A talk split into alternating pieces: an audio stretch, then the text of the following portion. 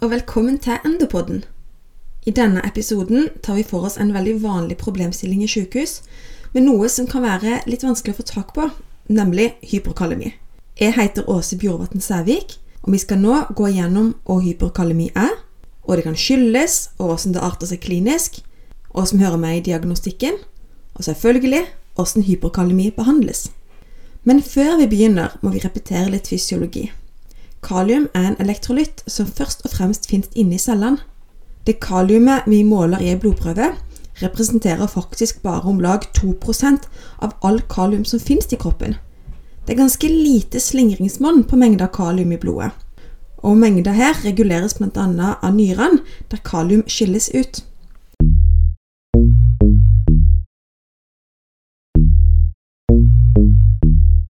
Tilbake til blodet.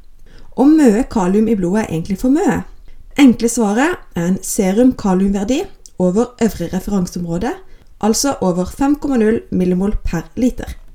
Vi graderer hypokalemin etter hvor høy kaliumverdien faktisk er. En verdi mellom 5,0 og 5,9 er lett hyperkalemi.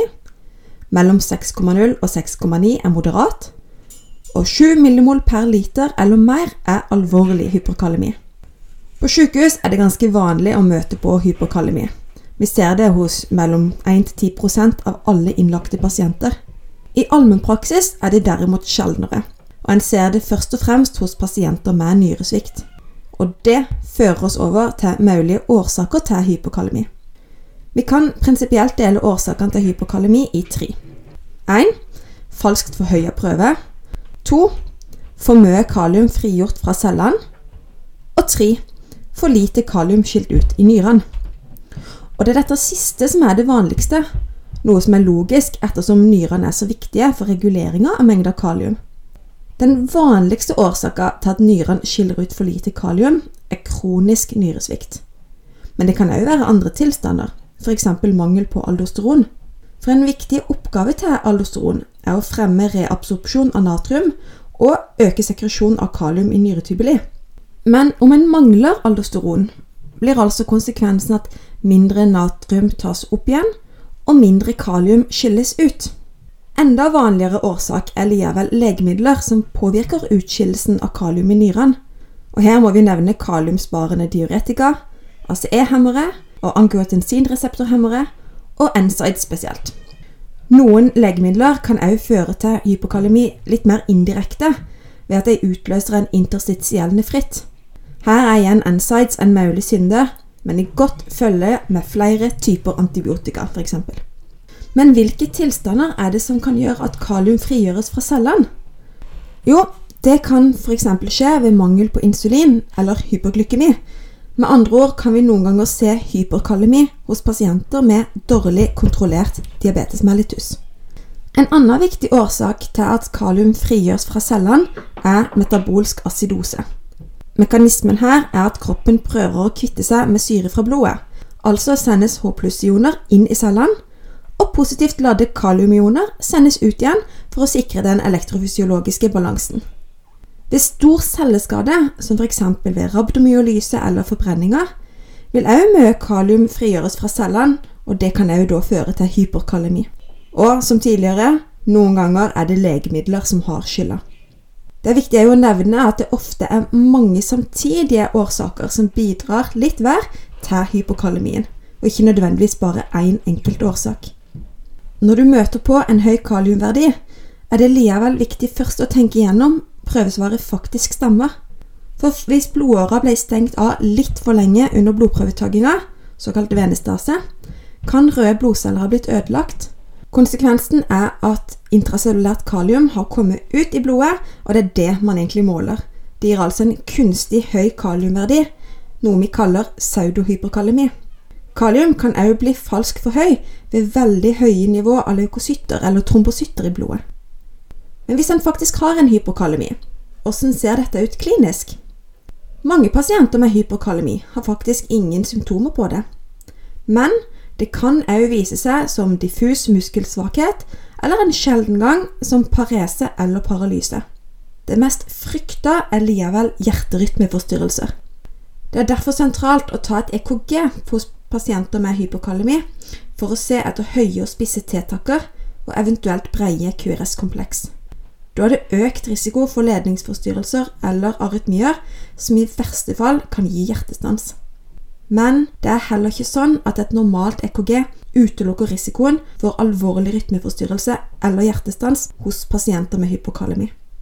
Utgangspunktet for diagnostikken er som vanlig en god sykehistorie og klinisk undersøkelse. Noe av det som er sentralt å få med seg, er om pasienten har en underliggende sykdom eller bruker medikamenter som kan være en mulig utløsende eller medvirkende årsak til hypokalemien. Selve hypokalemien påviser vi gjennom en blodprøve, vanligvis i serum, men vi følger gjerne opp med en plasmaprøve for å sjekke om mulig pseudohypokalemi. I tillegg tar vi både blodprøver og urinprøver for å undersøke nyrefunksjonen. Er man på sykehus, så hører det òg med å ta en blodgås. Åssen andre blodprøver en rekvirerer, kommer litt an på sykehistorier og mulige kliniske funn. Og som vi allerede har vært inne på, EKG hører med hos alle. Når er det aktuelt å behandle akutt? Dersom en er i allmennpraksis, er det i hovedsak tre grupper pasienter som skal rett inn på sykehus. Det gjelder alle med moderat eller alvorlig hypokalemi, altså en kalium over 6,0 millimol per liter. Hvis pasienten har en mild hypokalemi, og samtidig EKG-forandringer eller hjerterytmeforstyrrelser, så er det òg ØH rett inn på sykehus. Det samme gjelder pasienter der en mistanker en rask forverring av nyresvikt. Hvordan behandler vi hypokalemi? La oss begynne med den milde varianten. Dersom det er en kjent årsak til hypokalemien, starter vi med å behandle denne.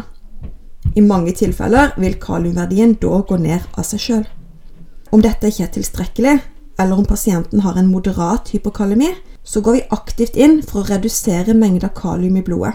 Og Det kan man gjøre enten ved å flytte inn i cellene igjen, altså intracellulært, eller en mer langsiktig strategi ut av kroppen gjennom urinen.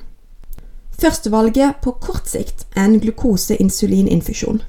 Her utnytter man insulinets evne til å flytte kalium inn i cellene.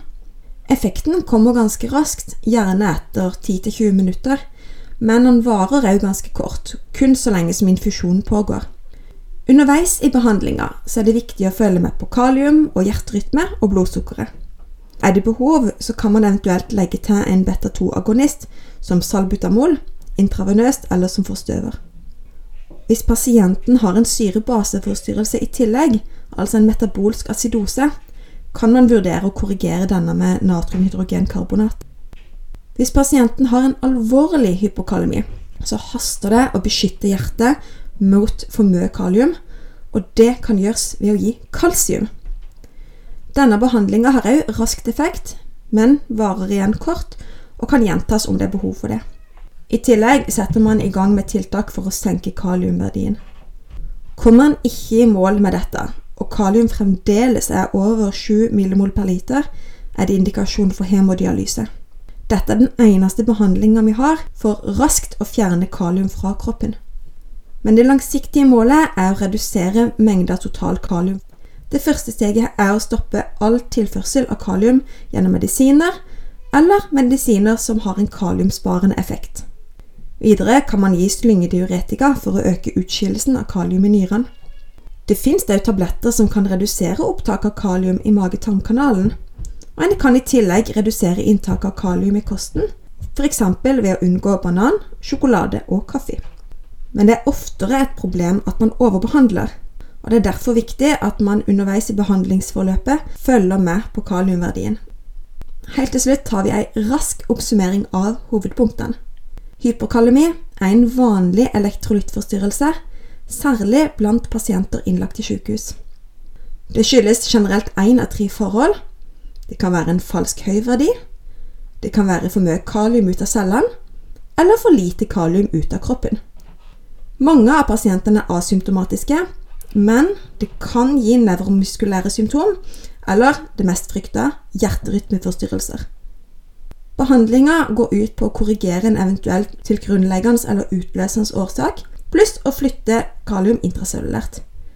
På sikt er målet å redusere inntaket og øke utskillelsen gjennom urinen.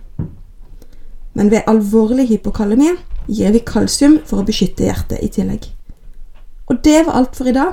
Vi vil gjerne høre fra deg på Facebook Enderpodden, eller send oss en e-post på enderpodden krøllalfa uib.no. Vi høres.